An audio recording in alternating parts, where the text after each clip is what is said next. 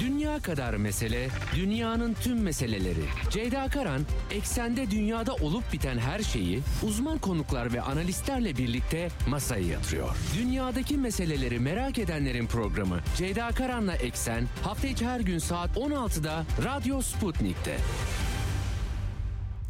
Eksenden merhabalar efendim. Bugün 27 Şubat 2023 günlerden pazartesi bir haftaya daha başlıyoruz. Dünyadan haberleri aktaracağım sizlere.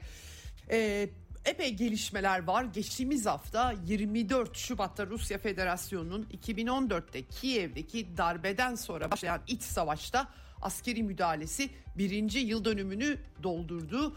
Ee, ve bunun e, yıl dönümü vesilesiyle açıklamalar, tepkiler vardı. Çin'in 12 maddelik planı e, söz konusu. Plan kimileri plan demiyor tabii ki tutum belgesi olarak açıklandı ama bir nevi yol haritası ortaya konuldu.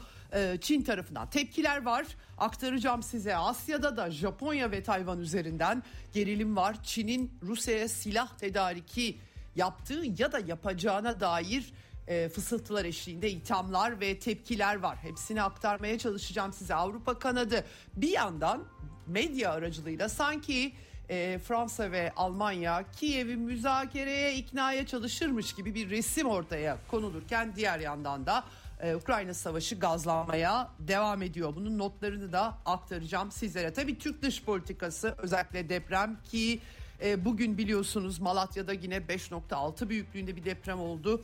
29 bina yıkıldı maalesef bir can kaybı 110 yaralı söz konusu Türkiye depremin etkisinde ama dış politikada hız kesmiş değil ee, Mısır Dışişleri Bakanı Türkiye'yi ziyaret ediyor ee, Mısır Dışişleri Bakanı daha önce Suriye'yi ziyaret etti, e, etti. hakikaten e, hareketli İsveç ve Finlandiya'nın NATO üyelikleri dahil e, deprem eşliğinde Türk dış politikasında da hareketli e, başlıklar var. Size aktarmaya çalışacağım hepsini. Orta Doğu'da İsrail ve Filistinli Araplar arasında gerginlik dorukta. E, oradan notları da aktarmaya çalışacağım bugün. Ama Çin'in planı e, ya da yol haritası demek daha uygun olur. Belki de biraz küresel barışı da dikkate alan bir yol haritası. Bugün biraz bunun detaylarını konuşacağız. Önümüzdeki süreci e, aydınlatması bakımından. E, ve konuğum Çin'i yakından, Çin dış politikasını yakından takip eden Gökhan Göçmen. Gazeteci, yazar konuğum olacak kendisine e, bu tutum belgesini açıklamaktaki hedefler, çerçevenin ne olduğu, Batı'nın eleştirileri karşısındaki tepkiler hepsini yönelteceğim. E, soruların hepsini Gökhan Göçmen'e. Başlamadan yine frekanslarımızı tekrar edelim. İstanbul'dan 97.8, Ankara'dan 96.2, İzmir'den 91, Bursa'dan 101.4 ve Kocaeli'nden 90.2. Bunlar karasal yayın frekansları. Bunun dışında Sputnik Türkiye'nin web sitesi üzerinden ya da cep telefonundan, cep telefonu uygulamasıyla kulaklığa basmanız bizi Türkiye'nin her yerinden dinlemeniz için yeterli. Ee, Şimdi Telegram hesabının linkini de paylaşacağım ki eğer varsa Telegram hesabınız Radyo Sputnik'e katılmanız bizi canlı ya da daha sonradan vaktiniz uygun olduğunda dinlemeniz için yeterli. Bunu da belirteyim ve başlayalım eksene. Dünya kadar mesele, dünyanın tüm meseleleri. Ceyda Karan, eksende dünyada olup biten her şeyi uzman konuklar ve analistlerle birlikte masaya yatırıyor. Dünyadaki meseleleri merak edenlerin programı Ceyda Karan'la Eksen hafta içi her gün saat 16'da Radyo Sputnik'te. Evet Şimdi dünya gündemine geçmeden önce depremle ilgili kısa notlar aktaracağım. Haberlerde mutlaka izliyorsunuz. 5.6 büyüklüğünde Malatya'da 29 binanın yıkıldığı bilgileri maalesef geldi. Bir can kaybı ve e, yaklaşık 110 e, yaralı olduğu bilgileri açıklandı e, ve e, hasarlı binalara girilmemesi uyarıları eşliğinde 6 Şubat büyük depreminin ardından e, Türkiye'nin e, hakikaten deprem e, meselesi artçı sarsıntılar da var. E, bitmek bilmiyor. E, tekrardan geçmiş olsun diliyorum başlarken programa. Dünya Bankası bu arada Türkiye ile ilgili verileri çıkarmaya başlamış. Bu ilginç notu da aktaracağım. Tüm Türkiye'deki, bütün Türkiye'deki ama sadece deprem bölgesi değil, e, yenilenme, inş, e, yapı stoğuyla ilgili olarak yenilenme için 465 milyar dolar Türkiye'nin büyük bir bölümü deprem bölgesinde. Bunu anımsamak lazım. Çok çarpıcı bir rakam geldi bana. Bu, bu bilgiyi de size aktarmak istiyorum. Evet depremle ilgili haberleri iç e, gündemi arkadaşlar aktarıyorlar. Ben dünyaya dönüyorum. Dünyada da kriz hali devam ediyor. Ukrayna'da e, 24 Şubat'ın e, yıl dönümü Rusya'nın iç savaşa müdahalesi 2014'te Amerika Birleşik Devletleri'nin Kiev'de düzenlediği aleni darbe anayasal rejimi devirmesi ve bunun ülkenin güney ve güneydoğusunda kabul edilmemesi bir iç savaşı tetiklemişti. Geçen sene 8 yıl sonra BM onaylı Minsk anlaşmalarının uygulanmaması ve ardından sınırda gerek Donbas'ta gerekse Ukrayna'nın kuzeyinde, kuzeydoğusunda Rusya sınırında Rusya sınırını geçme ihlal iddiaları da gündeme gelmişti ve e, BM anlaşmasının 7. bölümünün 51. maddesine atıfla Rusya Federasyonu BM'ye bildirimde bulunmuştu ve özel askeri operasyon başlatmıştı. Bu tabii ki Batı kamuoyunda işgal olarak adlandırıldı. Bir yıllık süreç geçti. Şimdi bir yıl sonra gelinen aşamada pek çok e, tartışma var, e, pek çok e, birazdan aktaracağım. Geçtiğimiz Cuma günü nihayet Çin'in bir süredir sözü edilen, gerçi devlet başkanının açıklaması bekleniyordu ama açıklama ondan gelmedi. Tutum belgesi çıktı. Ama öncesinde sahadan son notları aktarmak istiyorum. Açıklamalar da var çünkü önemli gelişmeler de var. Ukraynalılar askeri istihbarat e, ilkbaharda karşı taarruza geçeceklerini söylüyor. Bunun niye böyle zamanını da vermiyorlar tabii karşı taarruzu söylememeleri faydalı olur. Doğrusunu söylemek gerekirse Deutsche Welle'ye bölüm başkan yardımcısı Vadim Skibitski söylemiş. İlkbaharda karşı saldırıya geçeceğiz diyor. Zelenski de Donbas'ta Paraşenko döneminde iç savaşın başlamasıyla e, oluşturulan Birleşik Kuvvetler Operasyonu'nun komutanını Edward Moskalev'i görevden almış durumda bir değişiklik yapılmış gözüküyor. Fakat sahadaki durum hiç parlak değil. Ukrayna yönetimi Kırım'ı da geri almaktan bahsediyor. Kırım'ı geri almak demek etnik temizlik yapmak demek. Çünkü Kırım'ın nüfusunun büyük bir çoğunluğunu Ruslar oluşturuyor ve Ukrayna yönetimini kabul edeceklerini doğrusu hiç zannetmiyorum ama bu hedeften vazgeçmiyorlar Amerika'nın desteği altında. 2015'teki Minsk Anlaşması tabii Kırım'ı içermiyordu ama Minsk Anlaşması BM onaylı olmasına rağmen uygulanmadı ve bugünlere geldi durum. Sahada durum Ukrayna ordusu için çok parlak gözükmüyor efendim. Telegram hesaplarından takip ediyorum. Karşılaştırmalı olarak bakıyorum. Rusya ve müttefik güçleri özellikle Bahmut bölgesi, Artemus bölgesi büyük yığınak yapılan yere sağdan soldan yukarıdan aşağıdan kıskacı arttırmış durumdalar. Bu sefer Ugledar içinde kıyma makinesi tabiri kullanılıyor. Öyle ki Alman istihbaratı e, günde 500 asker kaybettiği söyleniyor Ukrayna ordusunun ya ölü ya yaralı. Bunun Alman istihbaratı raporlarına göre 3 katı olduğu söyleniyor. Bu şu demek günde bin insan insan kaynağı azalıyor Ukrayna ordusunun 500 ölü ya da yaralının 3 katı diye düşündüğünüz zaman gerçekten çok feci bir tablo var. Bir an önce barış, bir an önce müzakere gerektiği açık. Evet Rusya Federasyonu özel harekat kuvvetleri geçici konuşlanma noktalarını vurduğunu, silah onarım üslerini vurduğunu, e, konvoyları askeri hedefleri vurduğunu bir kez daha tekrarladı. Belarus sınırında gerginlik haberleri geldi bu sabah ancak iddia yalanlandı. Ukrayna sınırında e, bir gerilim vardı. Bir de Rusya ile birlikte ortak tatbikat 6 Mart'a kadar en az e, uzatılmış durumda. Yaklaşık 1500 askerlik güçleri olduğunu Belarus'un Güvenlik Konseyi Genel Sekreteri e, dile getiriyor.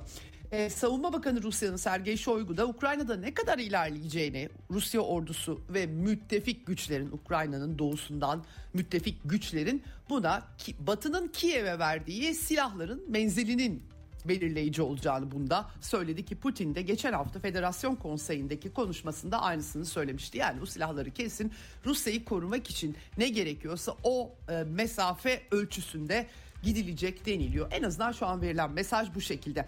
Tabii Kırım'ı e, hiçbir şekilde bu işin içine e, 2014'te de zaten referandumlarla 1954'te Moskova tarafından Kazaklarla birleşmenin 300. yıl dönümü vesilesiyle Ukrayna Sovyetlerine hediye edilmişti. Onlar geri dönmüşlerdi onu hesaba katmıyor Rusya e, tarafı. Dışişleri Bakanlığı bu arada Transnistria bölgesiyle ilgili de açıklama yaptı. Orada Kolbasna köyünde askeri depolar var. Rusya barış gücü var ve Ukrayna ordusunun buraya yönelik bir saldırı hazırlığı içerisinde olduğu haberleri gelmişti. Gerginlik var. Moldova'nın halkıyla yönetimi ne kadar uyumlu düşünüyor tam bilemiyorum. Ben sahaya gitmediğim için iddiada bulmak istemiyorum ama Moldova'nın e, AB yanlısı, NATO yanlısı e, Cumhurbaşkanı NATO'ya katılma mesajı vermişti. Meclis Başkanı aynı partiden biraz daha farklı bir açıklama yaptı. Gündemimizde yok dedi. Yeni başbakan istifa ederken Batı bizi destekliyor, Avrupa destekliyor ama halkımız desteklemiyor diye çarpıcı bir açıklama yapmıştı. Şimdi Transnistrya'nın adı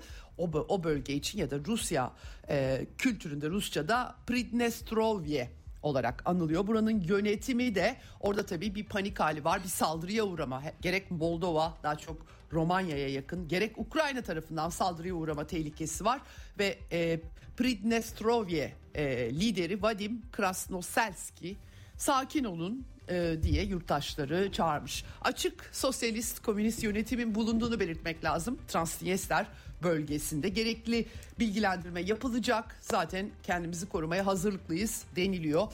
Neden e, bu Kolbasna köyü? Çünkü Ukrayna ordusunun silah stokları azalmış durumda. Batı'nın da bunu karşılayamadığını bizzat Batı liderler dile getiriyorlar son dönemde. Şimdi e, Birleşmiş Milletler Güvenlik Konseyi'ne de bu mesele Ukrayna krizi tabii yıl dönümünde taşındı. Kuleba e, Rusya e, işgalinin kurbanları anısı için bir dakikalık saygı duruşu onun çağrısıyla yapıldı ama Rusya'nın BM daimi temsilcisi Vasily Nabenzia da aynı şekilde 2014'ten bu yana hayatını yitirenler yani Odessa'da aşırı sağcı Kiev e, rejiminin başlattığı terör operasyonu adı altında kendi ülkelerinin vatandaşlarını uçaklarla bombalamış, tanklarla sivil yerleşimleri yok edecek işlere kalkışmışlardı. Ayrıca da Odessa'da sendikalar binasında canlı canlı insanlar yakılmıştı Batı yanlıları tarafından. İşte Nabenzia BM Güvenlik Konseyi'nde çağrı yaptı ve aynı bir dakikalık saygı duruşunda bulunanlar 2014 darbesinden sonra kurban olanlar için de saygı duruşu yapmak zorunda e, kaldılar efendim. Hafta sonu Av- Avrupa'da Almanya, Avusturya, Brüksel, Londra'da protesto gösterileri olduğu Avrupa halkları ve elitleri ne kadar aynı resimdeler tartışmalı. Almanya'da yeni anketler yarıdan fazlasının Ukrayna'ya silah tedarikinden artık vazgeçilip müzakereye dönülmesine işaret etmeye başladı. Ama tabii medya o kadar militarist bir rol oynuyor ki Avrupa'da karşıt anlatı o kadar işitilmiyor ki bu satır savaşı bir an önce durdurabilmek için kimse bir şey yapmıyor, baskı oluşmuyor. Ya da olursa bile artık Batı demokrasilerinde sokağa çıkıp bağırmak hiçbir e, yaptırım gücü taşımayan bir eylem haline gelmiş durumda. Ne kadar enteresan. Şimdi tabii Almanya'da bu arada Ukraynalılar ve Alman yetkililer bir Rus tankını alıp Berlin'deki Rusya Büyükelçiliği önüne koyup e, Alman halkının tepkilerini Rusya'ya çekmeye çalıştılar. Fakat tek ters tepmiş gözüküyor. Pek çok video izledim. Tam tersine 2. Dünya Savaşı ve Nazizmi anımsayan Almanlar Rus tankına çiçekler bıraktılar ve Ukrayna bayrağını üzerine asılmaya çalışılan asılan bayrakları aşağıya fırlattılar. Enteresan bir görüntü oluştu. Tabii daha çok yaşlılar vardı. Geçmişi hatırlıyorlar yaşlılar savaşı hatırlıyorlar. Savaşın sonuçlarını hatırlıyorlar. Soğuk savaşı hatırlıyorlar. Onların tepkileri farklıydı.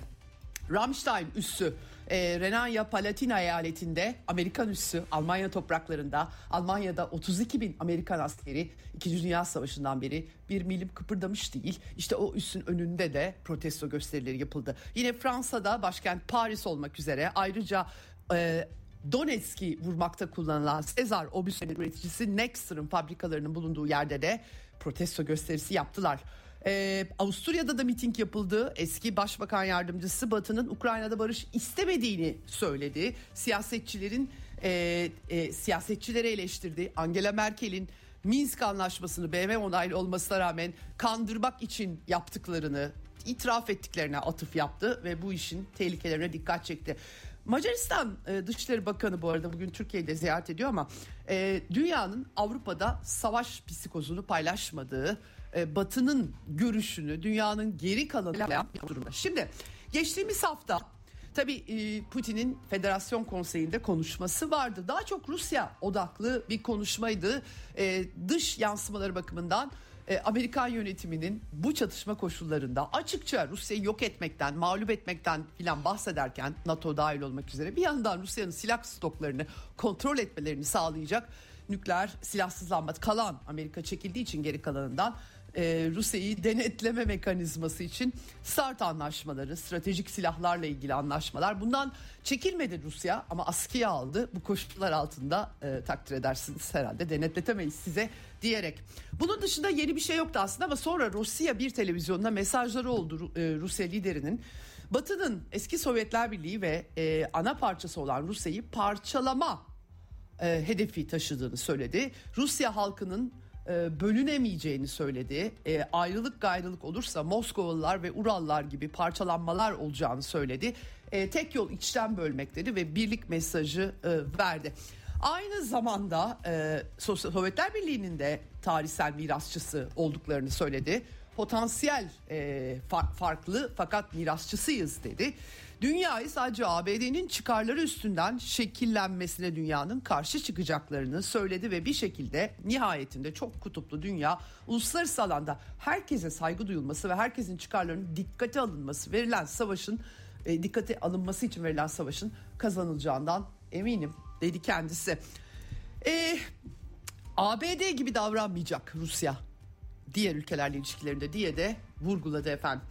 Hakikaten enteresan. Tabi burada START anlaşması ile ilgili olarak yapıldığı dönemde ABD ve NATO'nun düşmanca yaklaşımları olmadığını ama bugün koşulların değiştiğini ve Fransa'nın e, elinde ya da Britanya'nın elinde cephaneliklerden nükleer başlıklar var. Onların da sayısını bilmiyoruz. Yeni bir anlaşma olacaksa eğer bunların da katılması gerekiyor dedi. Amerikalılar da START anlaşmasından Trump döneminde Çin'i katmak üzere geri çekilmişlerdi. Böyle bir resim var. Bu arada tabii e, yani bu sal, stratejik saldırı silahlarının azaltılması anlaşması, askıya alınması daha çok tartışılacak gibi gözüküyor. E, buna ayrıca e, dikkatle çekmek gerekiyor. Bütün küresel güvenliği ilgilendiğini, ilgilendirdiğini belirtmek lazım. CIA Başkanı William Burns Kasım ayında e, Rusya İstihbarat Başkanı'yla da İslam, e, Ankara'da görüşmüştü. O da CBS televizyonuna demeç vermiş. İletişim hatlarının Rusya ile açık tutulmasının önemine dikkat çekmiş. Bu önemli. E, Çin e, Rusya'ya ölümcül silahlar göndermeyi düşünüyor. Amerika bundan emin demiş istihbarat analistlerine dayanarak. Birazdan aktaracağım. Bu önemli çünkü e, Çin 12 maddelik Gökün Göçmen'le programın ikinci yarısında konuşacağız. E, yol haritası ortaya koyduğundan beri ve öncesinde e, Çin'e yönelik Rusya'ya yardım saldırıları hem medya üzerinden hem Batı, ABD ve Avrupa çizgisi üzerinden yoğunlaştı diyebiliriz rahatlıkla. Şimdi Çin dün e, Cuma günü pardon e, itibariyle açıklamış durumda. Ben de aktarmıştım size geçen hafta eksende. E, e, hakikaten önemli bir tutum belgesi, bir nevi yol haritası açıkladı. Bunun içerisinde belki en dikkat çekici olan bütün ülkelerin egemenlikleri. Yani bu geçtiğimiz 30 yılda Amerika Birleşik Devletleri seçmeci bir biçimde işlediği ülkelerin egemenliklerine sahip çıkarken çok haz etmediği, sistemini değiştirmek istediği ülkeleri işgal etti müttefikleriyle beraber. E, kafasına göre egemenlik tanımı getirdi. Dolayısıyla bunun olmaması için bütün ülkelerin vurgusu bir rıza mekanizmasının tekrar tesisi. Aynı zamanda soğuk savaş zihniyetinin terk edilmesi, aynı zamanda yaptırım silahı Amerika'nın ve Batı'nın kullandığı bunun durdurulması vurguları diğerleri ateşkes işte e, Ukrayna çatışmasına ilişkin önemli e, mesajlar vardı ama buna Batılılar hemen olumsuz tepkiler geliştirdiler. Cuma günü aktarmıştım size ben Stoltenberg Pekin'e güven yok dedi. Valla NATO'ya kim güveniyor ben onu bilmiyorum doğrusunu söylemek gerekirse bunca yalan dolandan sonra son 30 senede. Jake Sullivan biz karar veremeyiz Ukraynalılar karar verir zaten dedi ki İsrail eski başbakanı Naftali Bennett e, anlaşma kotarılmışken Ukrayna ile Rusya arasında bunu bizzat ABD, Fransa ve Almanya liderlerinin bozduğunu ifşa etmişti geçtiğimiz günlerde. O yüzden komik olmuş Jake, Jake Sullivan'ın Ukraynalılar karar verir demesi.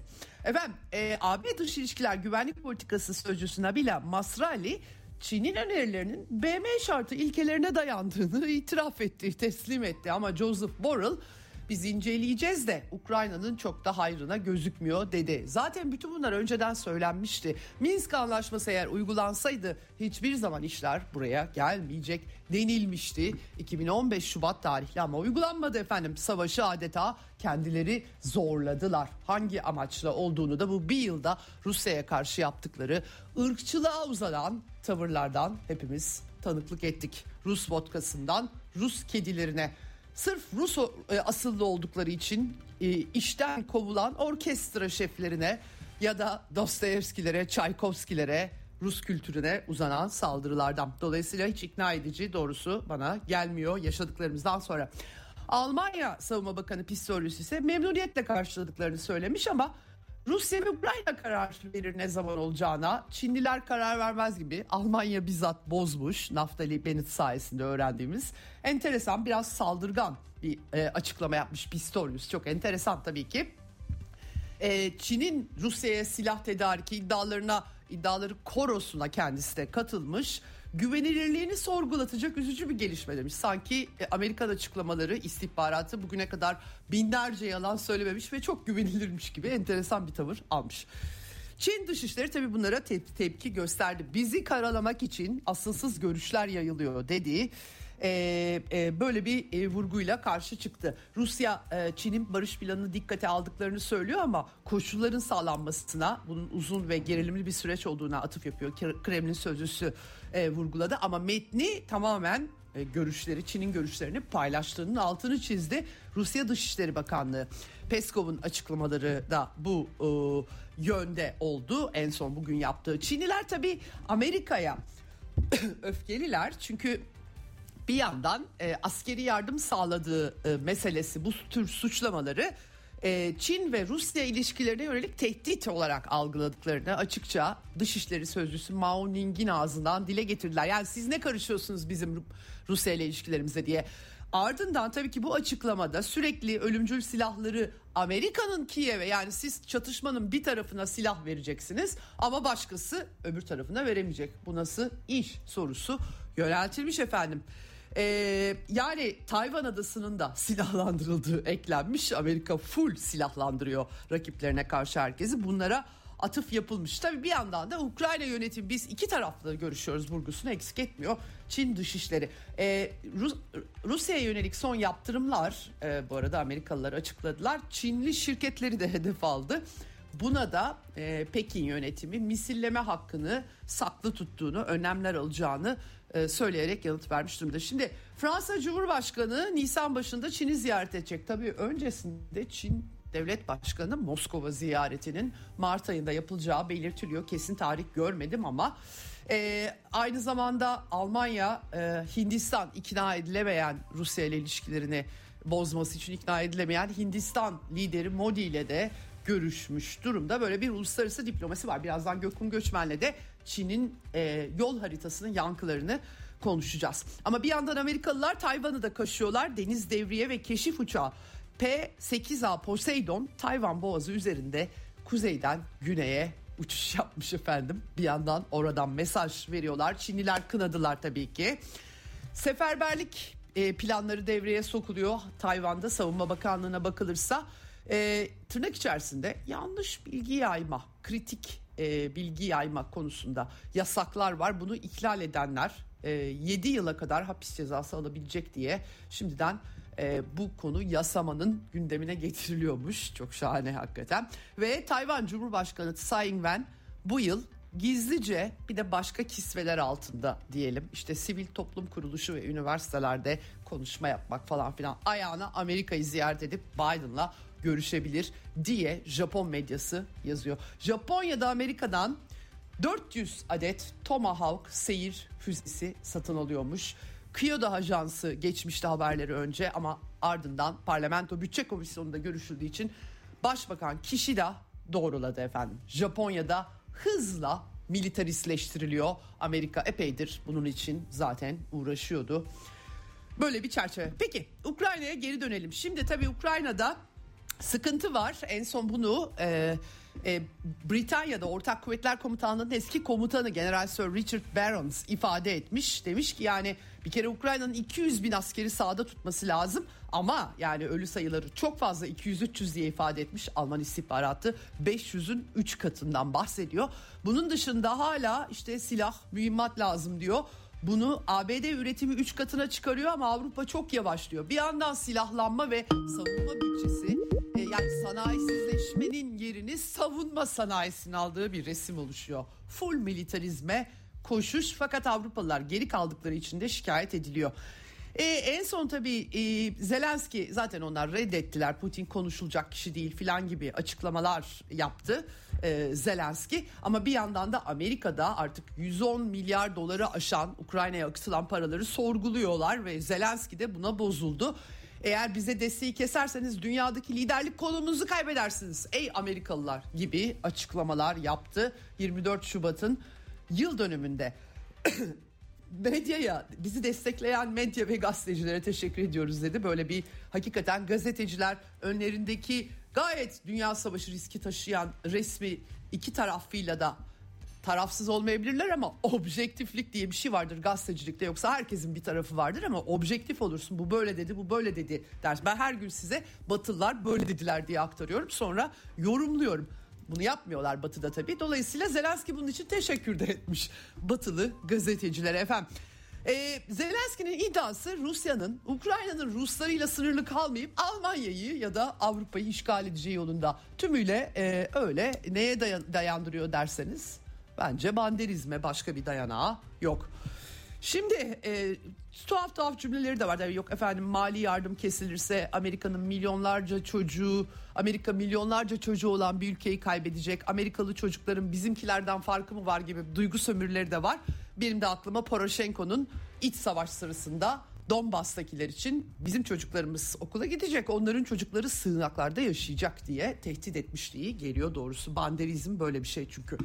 Evet, şimdi bu konularda tabii Avrupalılar Çin'in de 12 maddelik yol haritasından sonra biraz sıkıştıkları için hemen batıya göya Avrupa müzakereli çözüm istiyor. Ee, mesajı vermek için efendim e, Scholz ve Macron Zelenski'ye yani biraz da müzakereye başlama e, vurguları yap demişler. Wall Street Journal öyle aktarmış. 9 Şubat'taki Paris'teki görüşmede yapmışlar bunu. Şimdi nedense bu şekilde sızdırılıyor.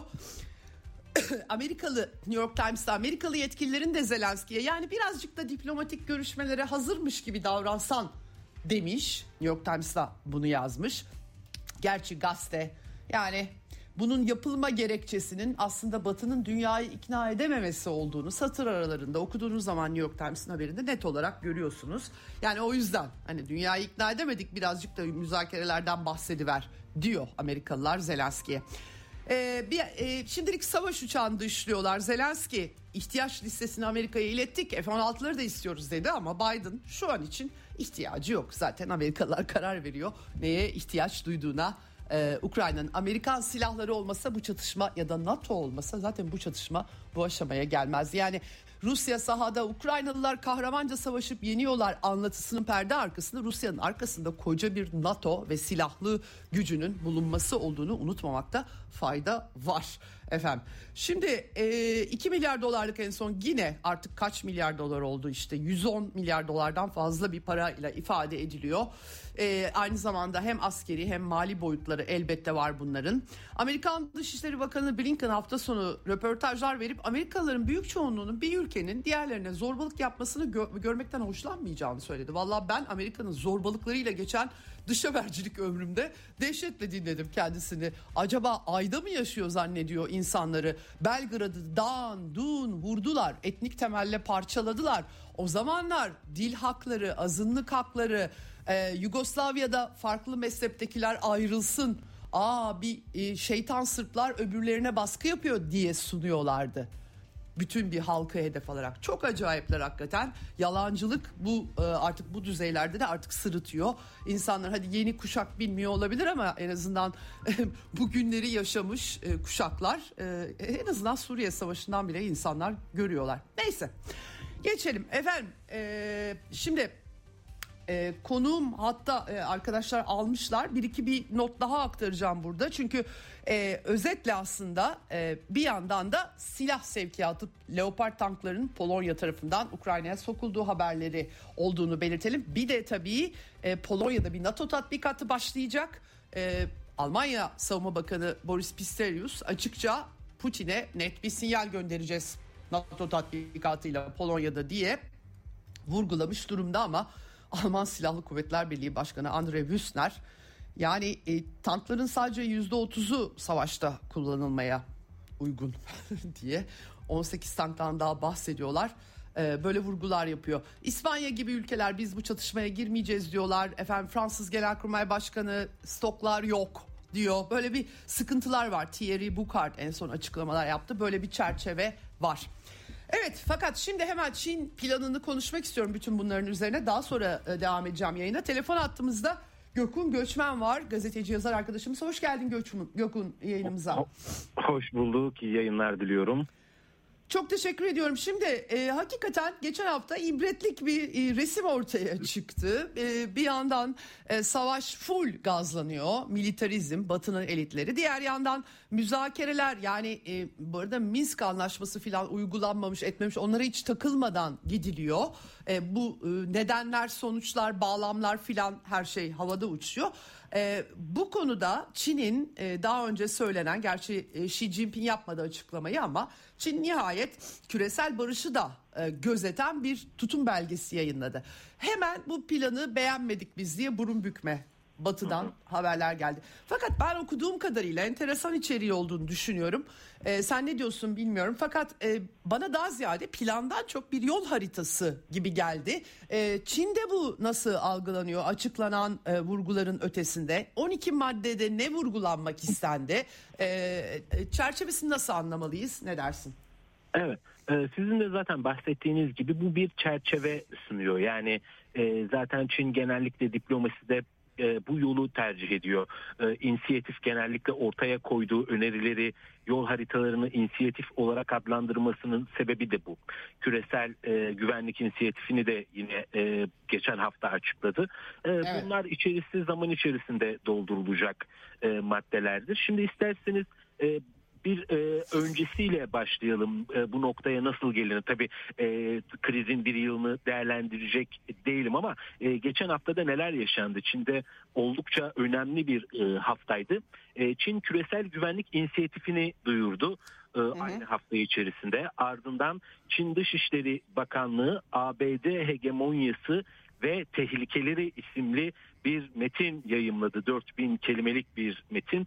Burada Amerika Birleşik Devletleri'nin e, siyasi hegemonyasından, askeri hegemonyasından, ekonomik hegemonyasından, teknolojik ve kültürel hegemonyalarından bahsedildi. Bunlar bunları vurguluyorum ki şimdi geleceğimiz e, noktaların arka planında Çin neyin üzerinde çalıştığını bilmekte fayda var. O nokta evet. şu hiç olmadığı kadar e, doğrudan Çin Dışişleri internet sitesinde ve gazetecilere de gönderilen bu metinde Amerikan hegemonyasını hedefe koyuyor ve çok kutupluluğun altını çiziyor. E, zaten e, Van Ki'nin de açıklamalarında Moskova'yı ziyaret etti biliyorsunuz. E, evet. PKP Dış İlişkiler Ofis Direktörü Van Ki orada da Lavrov'la da buluştuğu zaman da çok kutuplu dünyaya dair e, önerilerini yeniledi.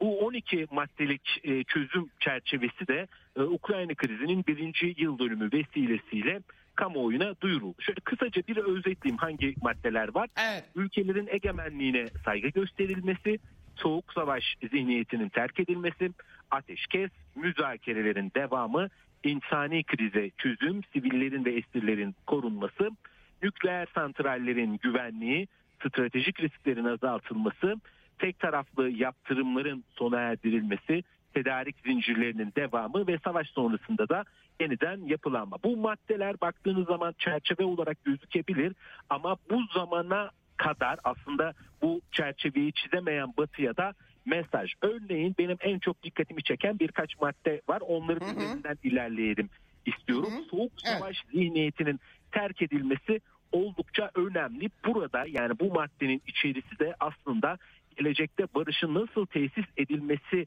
e, gerektiğinin ipuçlarını da bizlere veriyor.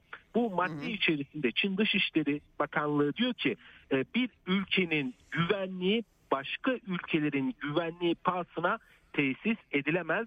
Askeri bloklarla, askeri kamplarla güçlendirilemez.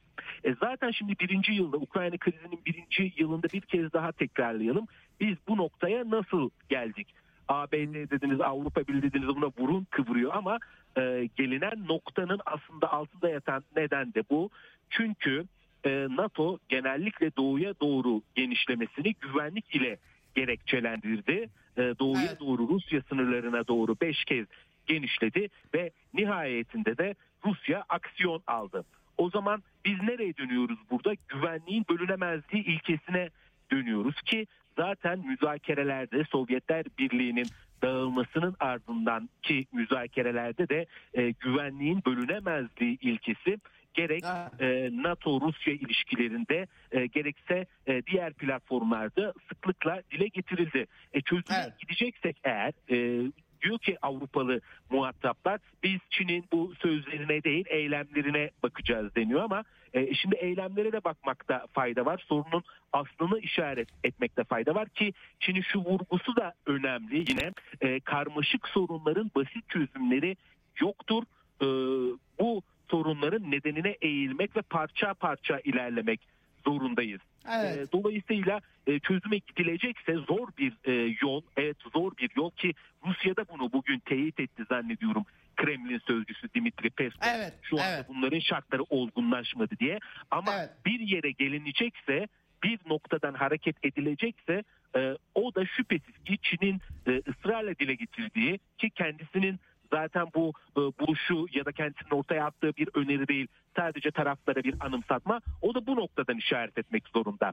E, hem evet. Rusya için bu böyle hem Asya Pasifik'te bu böyle hem Türkiye için bu böyle. Bir ülkenin güvenliği başka ülkelerin güvenliği pahasına tesis edilemez. Bunu Türkiye-Suriye ilişkilerinde de yaşadık gördük. E, evet. Rusya ve NATO ilişkisinde de yaşadık. Bu nokta önemli. E, bir diğer dikkatimi çeken noktada tüm ülkelerin egemenliğine karşı evet. saygı gösterme. Bu nokta önemli çünkü e, burada da Çin e, özellikle e, Rusya'nın Donbas bölgesindeki e, hamlelerini e, meşru biçimde tanımayacağı anlamını ben buradan çıkartıyorum ki daha önceden hı hı. Abazya vesaire Kırım örneğinde de bunu yaşamıştık. E, Çin genellikle e, statükonun bu anlamda statükonun e, bozulmamasından yani bu noktanın altını e, çizmesi de dikkate değer diye düşünüyorum. Tabii Türkiye'yi Peki bir... peki peki e, şöyle bir anlamda e, anlam hiç aklınıza düşüyor mu? E, bugüne kadar 30 yıldır Amerika'nın seçmeci bir biçimde bazı ülkelerin egemenliklerini vurgularken bazı ülkelerin egemenlik haklarını ihlal etmesi e, e, üzerinden Amerika'nın seçtiği ülkelerin değil bütün ülkelerin derken Rusya'nın da e, aynı şekilde e, BM Güvenlik Konseyi onaylı e, Minsk Anlaşması'ndan yola çıkarsak Kırım mesela e, oradaki bütün ben eğer yanlış çevrilmediyse tabii bütün diye söylüyorum. Bu da düşmüyor mu? Çünkü çok seçmeci Amerikalılar şimdi egemenlik hakları diyorlar ama Yugoslavya olunca hiç egemen, egemenlik hakkı yoktur ya da Suriye ya da Irak. Evet. İsterseniz bu bunun içinde yani bu Ukrayna çerçevesiyle Aha. sınırlı olduğu için ben e, iki tane bu gelişmeyi Aha. aktardım hafta içerisindeki küresel Aha. güvenlik inisiyatifi ve Amerikan hegemonisi ve tehlikeleri belgesinde bakın orada askeri hegemonya bölümünde şu söyleniyor hmm. Amerika Birleşik Devletleri 400 e, askeri müdahalede bulundu bu zamana değin. Hmm. Birleşmiş hmm. Milletler e, içerisinde sadece 3 ülkeyi ya işgal etmedi ya da onunla askeri ilişkiye girmedi. Evet, Aslında dedim evet. ya 4000 4000 vuruşluk bu 4000 kelimelik e, belge Amerikan hegemonyasını doğrudan hedefe koyan e, belge zaten Washington yönetiminin de e, bu zamana kadar ki e, ne diyelim ki yaptığı işlerin bir dökümü, e, günahlarının Hı-hı. bir dökümü niteliğini ve bunların altı çiziliyor. Tamam, ee, peki. Diğer maddelerde de tabii şey de önemli burada aslında e, tahıl anlaşmasının e, uygulanmasının devam etmesi Türkiye ve Rusya da bu konuda e, evet. nükleer santrallerin güvenliği önemli, stratejik risklerin azaltılması önemli. E, savaş sonrası yeniden inşaatı gündemde ama e, burada tabii e, müzakerelerin devamı, soğuk savaş zihniyetinin terk edilmesi ama bunun elbette e, Rusya'nın güvenlik endişelerini e, göze alarak, dikkate alarak e, yapılması ve tabii ki egemenlik evet. önemli olduğunu düşünüyorum. Evet. Peki şimdi bu metinle birlikte muhtemelen böyle bir metin çıkacağını da gördükleri için derhal Rusya'ya e, silah te- tedarik etti ya da ediyor. Ee, basın medyasıyla birlikte yetkililer, Amerikalı, Avrupalılar hemen bunu gündeme aldılar. Bu arada yaptırım yeni yaptırımlarda Çinli şirketlerde hedef alınıyor. Ee, bu Çin bunu e, bu belgeyle bağlantılı mı algılıyor? Bu e, yani güvenilirliği olmaması hikayeleri ve tabii Amerika'ya yönelik retorik çok yüksek gözüküyor Çin'de de hakikaten çok kutupluluk bakımından. Ee, bu silah e, sağlıyor tehditleri Çin'e yönelik. Bunu nasıl evet. algılamak lazım? Bu 12 maddelik çerçeve metni yıpratmak için mi? E, neden böyle tepkiler hemen ha. devreye sokuldu? Tam tam olarak e, böyle bu meseleyi aslında ee, sen de yazarlarından bir tanesisin. Biz bu e, çatışmalar patlak verdikten sonra hızlıca bir makaleler serisi e, evet. kitap haline getirmiştik. Ukrayna tarih yapan savaş. Orada ben Çin bölümünü kaleme almıştım ve aynı iddialar o zaman da vardı ve Evet. Çin yine devreye girmeye çalışmış. Yine konuşmuştuk programlarda. E, Minsk müzakereleri Minsk'i işaret etmiş. Burayı temel alalım demiş. Rusya'ya güvenlik garantileri verilsin demiş. Yani diplomatik anlamda kendi gövdesiyle bir şeyler yapmaya çalışırken bir anda Amerika Birleşik Devletleri spot ışıklarını sanki Rusya'nın o dönem bir de bakın daha yeni başlamış çatışmalar e, spot ışıklarını Çin'in üzerine tutmuş ve e, Rusya'nın silaha ihtiyacı var onu da Çin verecek. Şimdi e, gerçekten e, çatışmaların başlamasından 3 ay sonra e, Rusya'nın silah sıkıntısı çekebileceğini düşünüyor musunuz? Ya da e, şu anda... Yok canım ama e, yazdılar yalan çıktı hepsi tabii yani e, sonuçta. E, tabii, e, tabii şimdi, şimdi ne deniyor? Bakın Biden da şunu söyledi kabul ediyor ya da Amerikan yetkilileri de bunu kabul ediyor. E, şimdilik böyle somut bir adım yok ama hareketleri bunu gösteriyor. Bunun adı niyet okuma. Yani Amerika Birleşik Devletleri önünde böyle bir e, fanus var galiba. E, eliyle orayı siliyor ve diyor ki ya şu anda böyle bir adımı yok. Çin'in adımları, Çin'in e, bu zamana kadar yol haritası böyle bir şey olduğunu, böyle bir hamleye girişeceğini göstermiyor ama e, baktığımız zaman da niyetini okuduğumuz zaman da böyle bir e, işe kalkışacağını tahmin ediyoruz diyor. Niye ee, bunu yapıyor evet. ama tabii bunun arkasındaki asıl amaç e, Çin'i burada aslında e, radikal hale getirmek ki e, zaten Ukrayna faslının kapanmasının ardından hatta kapanmadan paralel olarak da yine Çin'e karşı e, benzer senaryoların devreye konulduğunu da zaten görmek mümkün. Evet. Ee, Onu evet o bu, bu bu bahiste ama şunu da belirtmek istiyorum. Çin'in açıklamalarında siz Kiev'e bunca silah boca ediyorsunuz. Öbür tarafa kimse niye boca etmesin gibi bir sorgulamada dikkat çekiciydi doğrusu. Bu da e, bir yanıt bugün sayılır Dışişleri mı? Bakanlığı, evet. Bugün Dışişleri Bakanlığı video e, yayımladı. E, evet. Deyim yerindeyse ateşin üzerine e, benzini kim döküyor gibi. Yani Çin'in böyle bir niyeti yok bir e, Rusya'nın böyle bir talebi olduğuna dair de ben herhangi bir beyanat görmedim. Çin'den size istiyoruz. Evet. Çin'in evet, evet Rusya kendi evet, diye. Evet. Ee, evet ama e, 100 milyar doların üzerinde zaten silahı oraya boca eden Amerika Birleşik Devletleri benzer bir senaryoyu da e, yine Çin evet. üzerinde tatbik etmek istiyorlar Asya Pasifik'te. Evet e, son olarak çok kısa onu da e, sormak istiyorum. Çünkü bir yandan Tayvan Boğazı'nda Amerikalılar uçuş yapmaya başladılar. Tayvan liderinin Ağustos'ta ABD'ye gideceği çeşitli tırnak içerisinde şey vesileler işte konuşma yapmak üniversitede vesaire.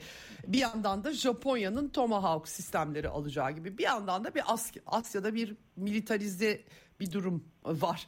Bu ıı, Çin'in üzerine bilerek yani e, Ukrayna'yı da bırakıp gitmek anlamına gelmiyor mu? E, ne beklenmeli bunun karşısında Pekin'den? Bu çerçevede. Süreç ben ben artık yani ABD'nin bu hegemonyayı e, hegemonyası erozyonu uğrarken fazla bekleyebileceğini düşünmüyorum. Yani bir taraftan e, Ukrayna devam edecek, diğer taraftan da Asya Pasifik'te gerilimi e, yükseltecekler. Yani birbirlerine paralel süreç bence ilerleyecek. Ukrayna faslı kapandıktan sonra olmayacak gibime hmm. geliyor. Nasıl ki hmm. Japonya'ya örnek verdiniz önemli. E, nasıl ki 2. Dünya Savaşı'nın ardından pasifize ettikleri Almanya'yı bugün devasa bir savaş aygıtına dönüştürmek istiyor Ukrayna özelinde Amerika Birleşik Devletleri. Benzer bir durumda Asya Pasifik'te Japonya için geçerli. Anayasayı revize ettiler. E, iktidarlar her gelen iktidar daha fazla Şahin tutumuyla ön plana çıkıyor. Bu da yetmezmiş gibi Japonya'yı işte NATO toplantısına, Madrid toplantısına çağırdılar. Asya Pasifik özelinde mesela AUKUS'a Japonya'nın e, katılımı tartışılıyor ki böyle olursa nükleer denizaltıların da sahibi olacak. Diğer taraftan da ABD siyasi olarak temsilciler meclis başkanını gönderecek. E, askeri anlamda da zaten devriye uçuşları ya da seyir sefer serbestliği adı altında bu gerilimi e, yükseltecek diye düşünüyorum. Evet peki çok çok teşekkür ediyorum Gökhan Geçmen değerlendirmeler için hep beraber takip edeceğiz, değerlendirmeye çalışacağız, yorumlamaya çalışacağız. Çok teşekkür. Ben teşekkür ediyorum. İyi yayınlar. Evet hakikaten bir yandan Ukrayna, Batı cephesi bir yandan Asya. Açıkça e, bugüne kadar işlenen tezler işte iki cephede birden savaş ay olmaz öyle bölmek lazım işte çeşitli tezler hepimizin bildiği Kissinger'lara e, vesaire dayanan e, bunlar çöpe gidiyormuş gibi bir resim var en azından birileri durdurmazsa. E, kalan notları da aktarmak istiyorum çünkü hafta sonunda Fransa Cumhurbaşkanı Cumhurbaşkanı Erdoğan'ı e, aradı. Ukrayna'yı da görüştüklerini aktardı. Tabii deprem ve, e, ve yardım meselesi vardı e, NATO e, genişlemesi, İsveç Finlandiya'nın üyelikleri, İsveç İstihbarat Teşkilatı enteresan bir rapor yayınlamış. Daha doğrusu İstihbarat Başkanı Suzanna Trehörning bir açıklama yapmış. PKK'nın ülkede önemli finansman sağladığını söylüyor ve bunu engellemeye çalıştıklarını söylüyor. E, AB e, e, üyesi İsveç'in e, AB dönem başkanı İsveç'in kendi öz eleştirisi mi yoksa Türkiye'yi ikna çabaları mı? E, ilginç organize suç çeteleri PKK'yı finanse ediyor. Finlandiya'dan farklı olarak finansman kaynağı var diyor. E, Dışişleri Bakanı Çavuşoğlu e, İsveç'in NATO üyeliğine e, hemen karar veremeyiz. Üçlü muhtıranın unsurları e, henüz yerine getirilmedi vurgusu var. Ama Finlandiya 9 Mart'ta toplantı kaldığı yerden depremler yüzünden devam edecek. Ama Finlandiya ayrı bakılabilir. Tabii Finlandiya'nın NATO'ya girmesi de başka bir problem teşkil ediyor. Bu arada Amerika'nın Ankara Büyükelçiliği geçen bu ay başında depremlerden önce yayınlanan... E, terör tehdidi e, tamamen dinmiş gözüküyor. Türk Polis Teşkilatı'na teşekkür ederiz diye bir e, not yayınlamış durumda. Dikkat çekici. E, Cumhurbaşkanı bu arada Zelenski ile görüştü hafta sonu Rusya lideriyle görüştü. Daha çok deprem vesilesiyle ama Rusya ile özellikle enerji işbirliği üzerinde durulduğu e, anlaşılıyor Erdoğan. Geçen sene Ukrayna krizini hemen çözmek için İstanbul e, meselesinin canlandırılması mutabakatının aynı zamanda tahıl işbirliği vurgularını yapmış gözüküyor. Doğum günü Rusya'da çok önemsenir. Doğum günleri mutlaka kutlamak gerekir. Cumhurbaşkanının ayrıca doğum gününü kutladığı anlaşılıyor. Ayrı bir mesaj yayınlandı. Önemli notlar var tabii Rus doğalgazının Avrupa'da almak isteyenlere aktarılması görüşmeleri başlayacak. Bir de Moskova borsasında 1 Mart'ta Türk lirası cinsinden vadeli işlemlere başlandı haberi var. Dikkat çekici bugün. Evet ve e, Kuzey Akım 2 boru hattı, petrol boru hattı Almanya ile Rusya'yı bağlayan Joe Biden bitireceğiz demişti hakikaten 26 Eylül'de bitirildi. Seymour Hersh Pulitzer ödüllü gazeteci de bunun hikayesini yazdı. E, üstü örtülmeye çalışıldı ama tartışmalar devam ediyor. Bu konuda yeni yeni açıklamalar yapıyor Seymour Hersh.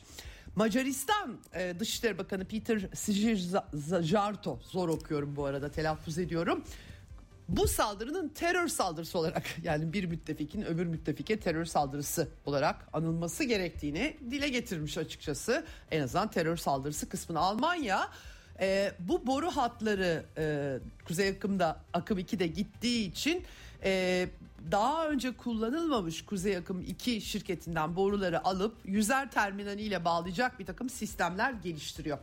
Bu konuda Ukrayna meselesinde yine küresel çapta dikkat çekici bir çıkış Tesla, SpaceX ve e, Twitter'ın CEO'su Elon Musk'tan geldi hafta sonu. Yanıt babında genellikle yapıyor bunları. Chicago Üniversitesi Profesörü John Mearsheimer hep bu krizi biz çıkarttık Amerika çıkarttı NATO'nun genişlemesiyle diye vurgu, vurguluyor ve çırpınıyor adam dünya savaşına gidecek bu iş diye. Onu hatırlatan bir e, mesaja Musk yanıt veriyor. E, 2014 2014 yapar. 2010'da Ukrayna'daki seçimlere atıf atfen yanlış da bir şey yapıyor aslında bilmiyor herhalde detayını.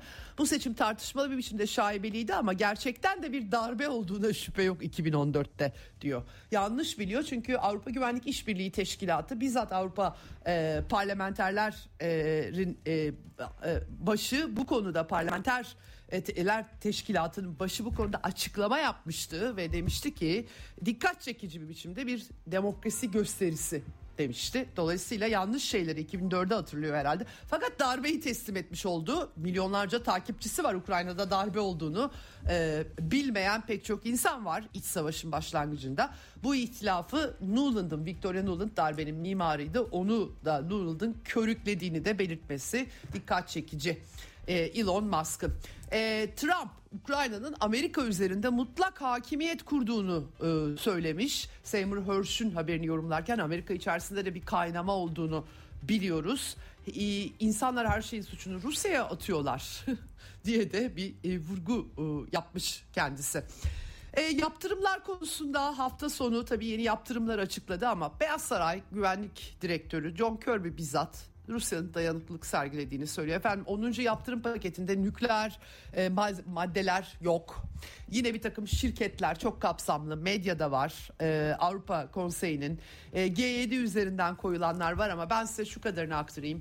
Yunan kıyılarında Bloomberg petrolün, ham petrolün bir şekilde uluslararası sularda tankerler arasında değiştirilerek işlerin yürütüldüğünü yazıyor. Aynı zamanda Bloomberg 74 dolara varil başı Rusya'nın petrol e, satabildiğini söylemiş tavan fiyata. Atfen belki bunu söyleyebiliriz. İşte e, enerji e, sektörü, nükleer enerji sektörü zaten Macaristan biter yani bunu yapamamış durumdalar. Dolayısıyla pek bir işe yaramış gözükmüyor. Hindistan'da G20 Maliye Bakanları toplantısı sırasında e, savaş kelimesinin bildiride kullanılmasına itiraz etti. Çıkmadı. Tabii ki başka ülkeler de var G20'de. E, Batılılar çok memnun değiller e, bu konuda efendim. Evet e, uza, uzadı biraz kusura bakmayın ama bugün Mısır Dışişleri Bakanı Semih Şükrü Türkiye'ye geldi. Suriye üzerinden geldi. E, yıllar sonra 10 yıl sonra ilk kez Suriye'yi ziyaret etti.